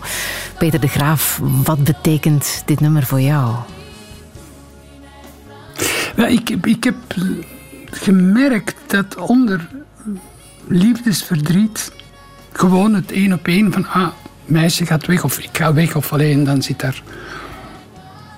Dat dat, dat, dat, dat, dat daar, daar dieper onder zit vaak trauma's van dingen die niet goed waren in het gezin waar je uitkomt. En door wat we in relaties meemaken, worden we weer bij die oude trauma's die we hebben weggestoken. Als kind steekt alles weg. Dat gaat vanzelf, dat doet het bewust en we doen daar niet mee opzet. Maar worden we daar weer bijgebracht, worden ze weer tot leven gewekt, zodanig dat we ermee kunnen werken. Werken wil eigenlijk alleen maar zeggen erbij zitten, het voelen, het laten bestaan, het laten opbranden, zoals een vuurtje, zonder er iets aan te proberen doen, zonder te willen dat het weg is. Het is oké, het is oké. Het heeft een geweldig helende werking, als, maar het is moeilijk. Want automatisch wilde terugkomen en door met je leven. Iets leuks gaan doen. Een pintje mm, enzovoort. Er zijn heel veel mogelijkheden om het terug weg te steken. Maar als je dan nog dieper gaat, in een nog dieper niveau, merk ik dat wij als we als mens leven hier afgesloten zijn van een wereld waarover mensen die uit een bijna doodervaring komen, allemaal unaniem getuigen. Namelijk, ze komen in een gebied dat echter lijkt dan onze wereld, waarin onvoorwaardelijke liefde heerst, waarin ze worden, zich aanvaard voelen als nooit voordien. Dus niet alleen door dat wat daar hen omringt, maar ook door zichzelf. Want ik denk dat wij vaak ons eigen niet aanvaarden, dat, we, dat het daar al begint. En dat dat de wereld is waar, waar we fundamenteel in thuis zijn. Dat we hier in, in, in vlees gevangen worden, incarneren letterlijk, om een aantal ervaringen op te doen op zielenniveau en telkens weer naar die andere wereld gaan. En dat al onze liefdesliedjes eigenlijk niet zozeer gaan over een partnertje dat er vandoor is of, of waarmee het niet meer werkt, maar over dat verlangen naar die wereld waar we uitkomen. Dat dat wordt uitgeschreeuwd, de pijn daarover. Zo kun je daar naar luisteren. Heb ik gemerkt. En dan, dan wordt het zeer groot en, en universeel. Dan wordt het veel groter dan mijn Marietje is er vandoor. En dan gaat het wel degelijk ergens over. En wat ik wel geloof, is dat we de, de, de benefits, de, de, de, de voordelen of de geweldigheden van die andere wereld, dat we die optimaal kunnen beleven in een liefdesrelatie tussen mensen onder elkaar. Wat is dat, de liefde? Alles. Volgens mij is er niks anders. En als er al iets anders lijkt te zijn, dan zijn dat vervormingen die wij met onze ratio daarvan maken. Maar, maar kijk rond de natuur, dieren, planten, de lucht, dat wat is, het hele universum. Ja, volgens mij is dat doorzinderd van, van de belangrijkste energie daarvan is, denk ik, liefde. Hoeveel liefde zit er in het gedicht van Martinus Nijhoff dat je hebt meegebracht in Passen? Misschien moet je het eerst eens lezen. Ja, goed, laten we dat doen. In Passen. We stonden in de keuken, zij en ik. En ik dacht al dagenlang, vraag het vandaag. Maar omdat ik mij schaamde voor mijn vraag, wachtte ik het onbewaakte ogenblik. En nu, haar bezigziend in haar bedrijf en de kans hebbend die ik hebben wou, dat zij onvoorbereid antwoorden zou, vroeg ik: Waarover wil je dat ik schrijf? Juist vangt de fluitketel het fluiten aan, haar hullend in een rookwolk die opwaarts schiet, naar de glycine door het tuimelraam. En dan antwoordt zij, terwijl ze langzaamaan druppelend water op de koffie giet en zich de geur verbreidt. Ik weet het niet. Dat is liefde? Ja. Het Zit hem, ja, ja, Dat is dat kleine speldenkopje vinden. ja. Ja, het, is niet te definiëren. Hè. Je had in de jaren zeventig zo liefde is en dan eindeloos veel tekeningen gezien. Het valt niet te definiëren, terwijl iedereen het kent.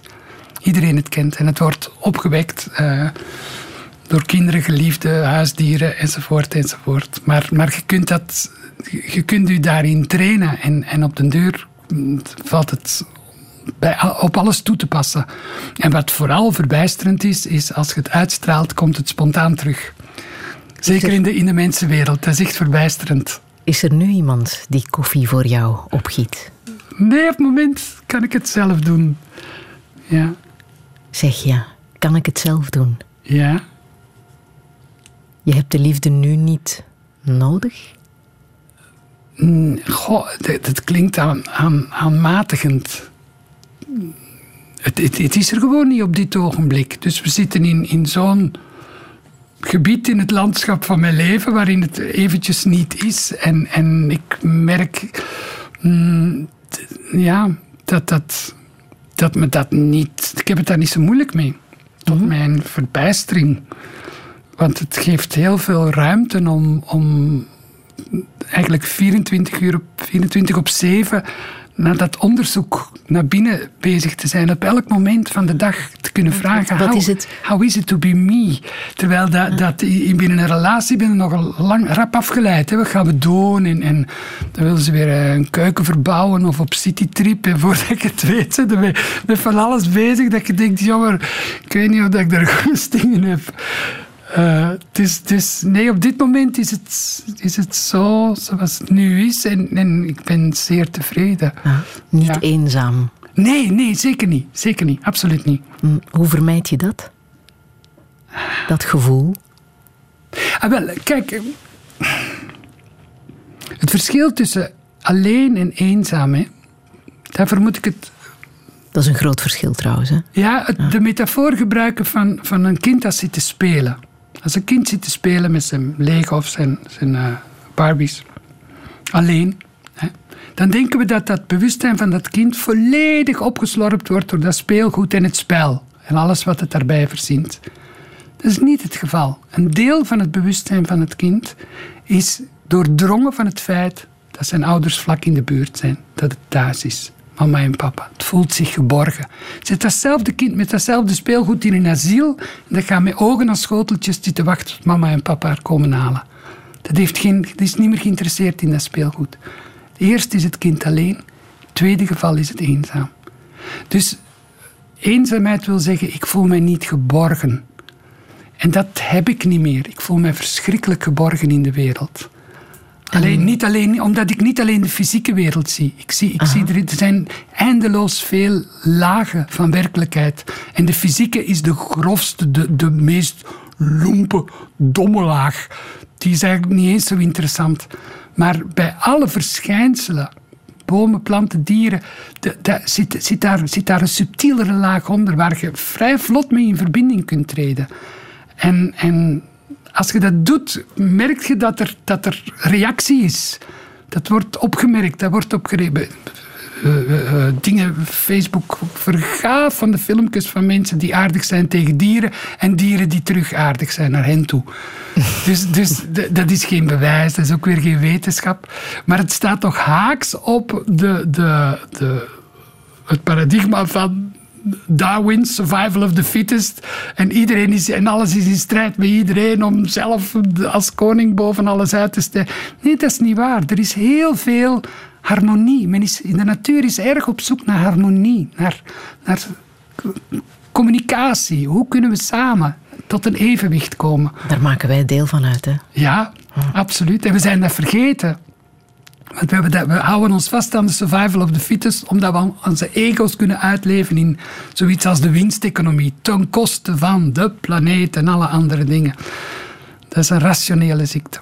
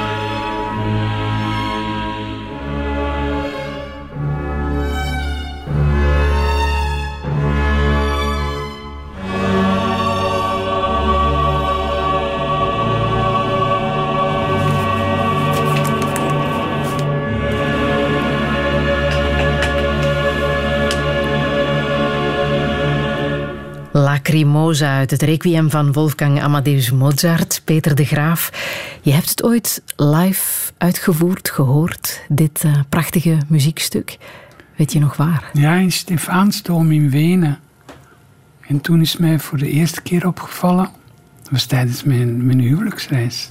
Tweede huwelijk, ik ben twee keer echt getrouwd geweest. Oh. Um, maar toen is mij opgevallen dat, dat een kathedraal dat dat een muziekinstrument is had ik daarvoor niet door. Dat is trouwens ook de plek waar hij is begraven, hè? Ja. Mozart. Ja. Op die plek, heb je het gehoord? Ja.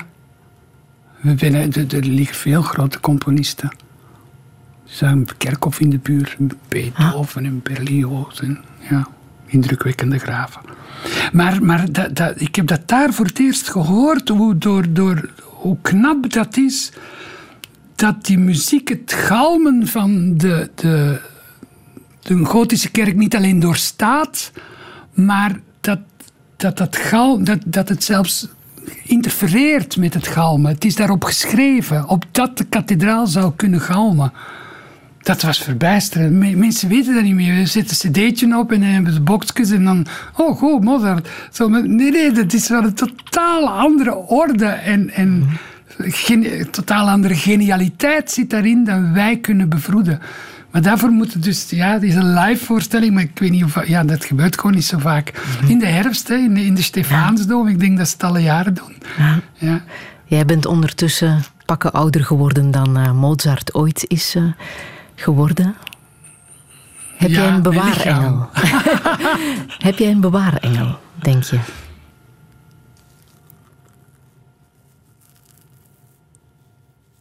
Ik heb iets... Uh, was ik nog aan het drinken hoor. Ik werd op, een morgen wakker. Dat gebeurt wel vaak. Dan worden midden in de nacht wakker, want ik ga dan slapen met een katerke. Dus binnen de vijf uur zit je terug wakker en drinkt er nog een beetje bij. Dan gaat er weer om. En op zo'n moment van, van even wat lezen en, en, nog een wijntje extra in bed. Zo, heel slecht wat ik nu vertel hoor, niet, niet kopiëren. Maar uh, had ik plots, ik was alleen thuis. Ik, ik, leefde toen ook alleen. Had ik plots het gevoel van, er is een aanwezigheid in de kamer. Maar belachelijk sterk. Uh, zoals je zit bijvoorbeeld bij de dokter in de wachtkamer heel alleen een, een, een weekblad te lezen. Er komt er nog een binnen, een zieke. Je zegt goeiedag en je leest, maar je voelt, het is anders dan daarnet. Want er is nu een aanwezigheid. Zo dat, dat bedoel ik met aanwezigheid. Maar dan maal 1 miljoen of zo. Supersterk. En ik kijk rond in mijn kamer en ik zie niks. En ik vraag innerlijk, wie zijt gij? Zo ongeluk. En onmiddellijk komt het antwoord, ik ben jij. En ik ben... Ik was niet dronken of zo. Ik was nuchter als iets voor mijn gevoel. Ik ben verschrikkelijk beginnen huilen. Echt als een garnaal in elkaar gekruld tussen mijn lakens. En ik heb zitten liggen jammeren. Ga niet weg, ga niet weg, ga niet weg, ga niet weg. En ik kreeg direct te horen, ik ben nooit weg geweest. Als mijn eigen gedachte. Ik weet niet hoe lang het geduurd heeft. Een minuut, twintig, I don't know. Nooit vergeten.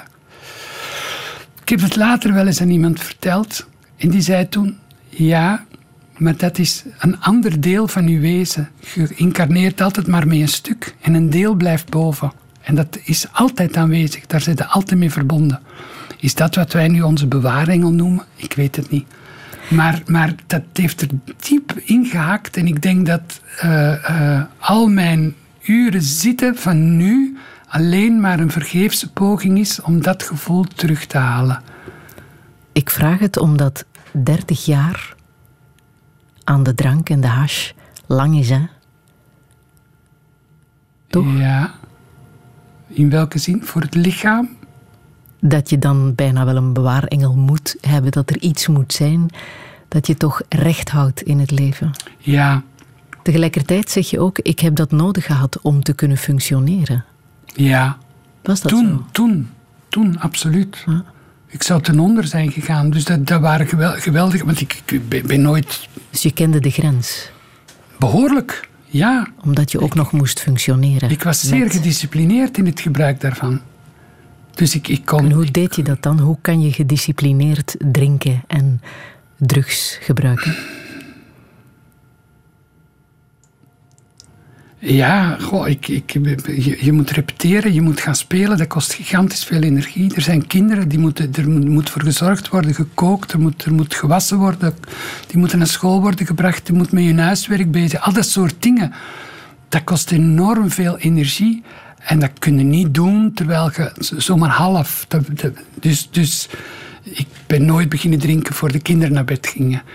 Uh, en dan gauw even. En dan s morgens staat er weer. En nu denk ik, joh, wat hebben Want in dat drinken zelf zit ook, kruipt ook veel energie. Dat kost verschrikkelijk veel moeite. Dat is echt vermoeiend verslaafd zijn voor je lichaam. Dat, dat put uit. Dat... En ik, ik had, was eens een keer hervallen en terug beginnen roken. Gewoon sigaretten. Heb ik ook heel de tijd gerookt. En toen waren mijn kinderen al oud genoeg om te zeggen: hé, papa, ga sporten. En dan denk ik: oké, ik doe het niet meer waar jullie bij zijn. Dus ik heb toen ook zomaar van de ene dag op de andere kunnen wachten met, om even welke sigaret tot de kinderen naar bed waren.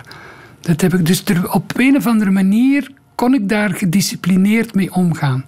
Maar niet uitsluitend, want er, er waren wel periodes dan kinderen waren bij hun mama en ik had even niks te doen en dan was het dagen aan een stuk echt uw eigen ziek drinken. Echt, echt verschrikkelijk.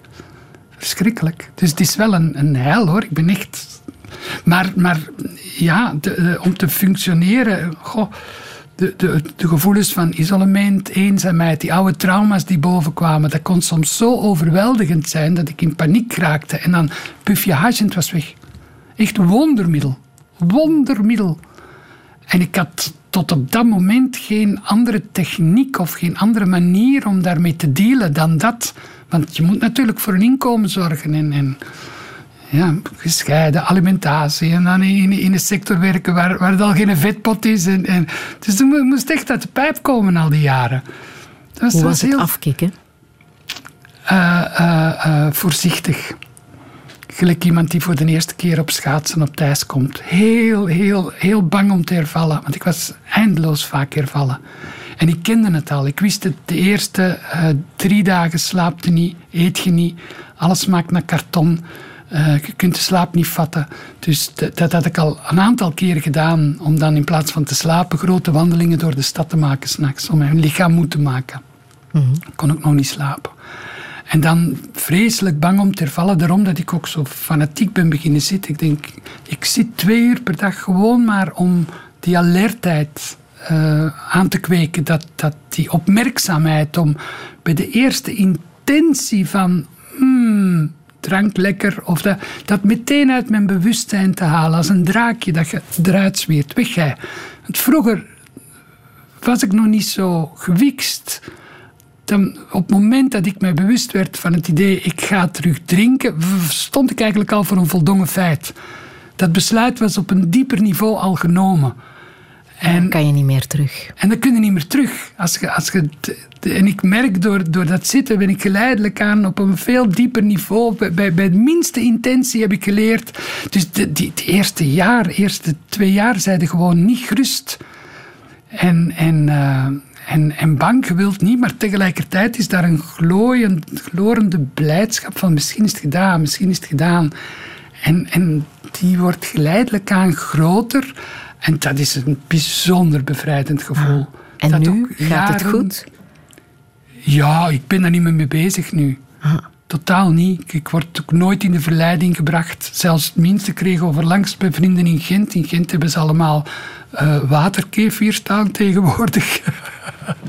dus ik kreeg daar een glas van. Dat, en er zit een heel klein beetje alcohol in. 0, en een beetje. Ik voel dat direct. Ik, zo, ik, gewoon omdat ik het niet prettig vind. ik, ik vind het bewustzijn dat het helder is en, en door niks gecontamineerd te zijn. Misschien een beetje koffie of zwarte thee, daar, daar experimenteer ik nog wel mee.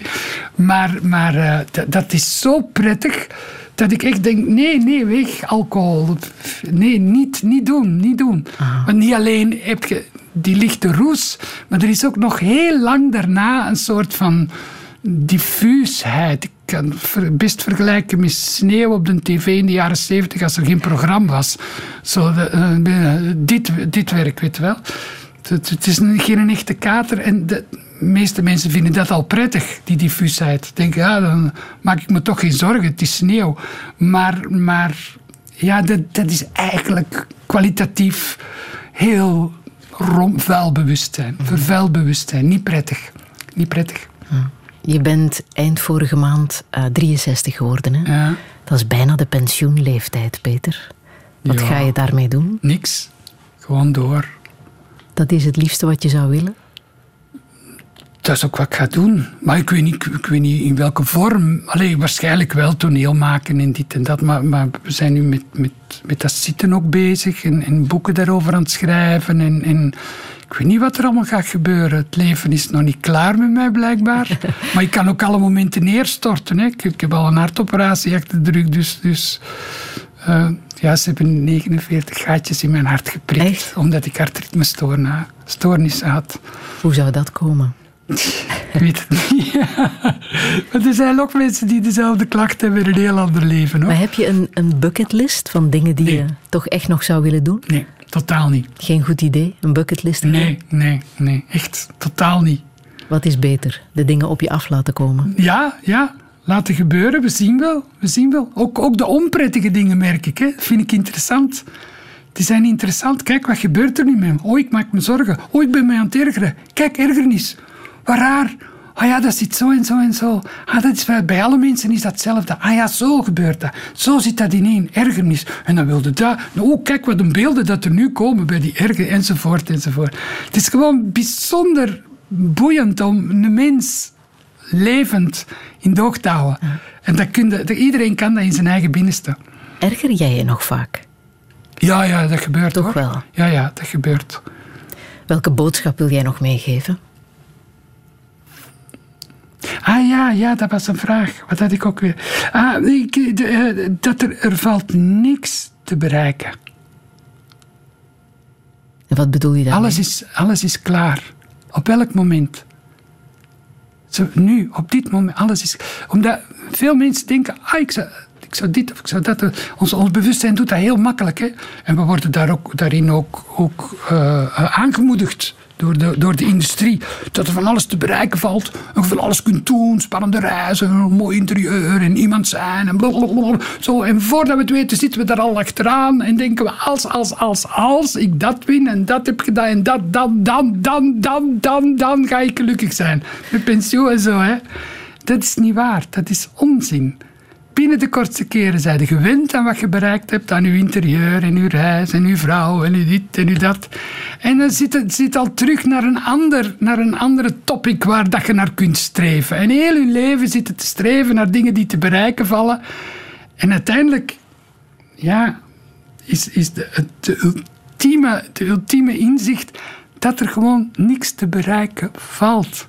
Want uiteindelijk, meestal als je iets bereikt hebt, heb je een gevoel van geluk.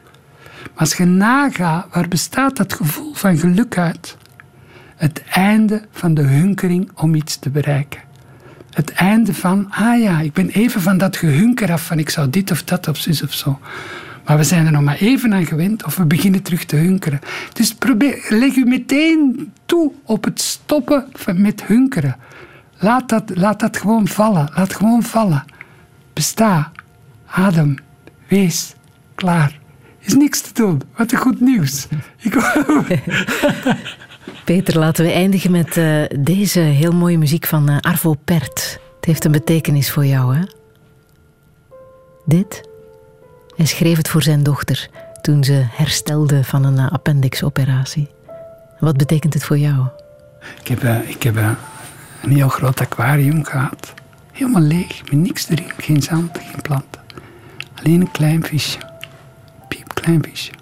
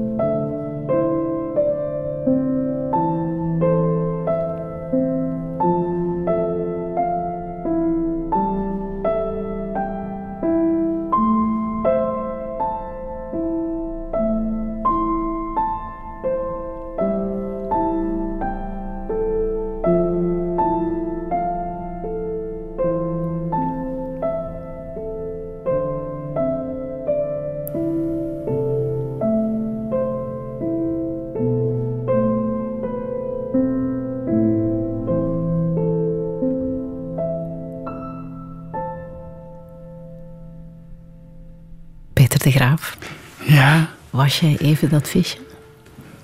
Ja, in het grote aquarium, uh, zeker. Er is daar een, een, een gevoel van verpersoonlijking, van ik voel mij ook zo. Alleen geborgen in het niets. Een gevoel van ik ben geborgen. En, en ik word omringd door een, een enorm niets dat vol potentie staat zit. Het nulpotentieveld uit, uit de fysica. Uh, ja, daar doet mij deze muziek aan denken. Peter, ik wil jou heel erg bedanken voor uh, dit heel warme en fijne gesprek. Volgende week ontmoet ik hier Melat Nigusi. En ik wens jou en iedereen nog een heel fijne en warme zondag.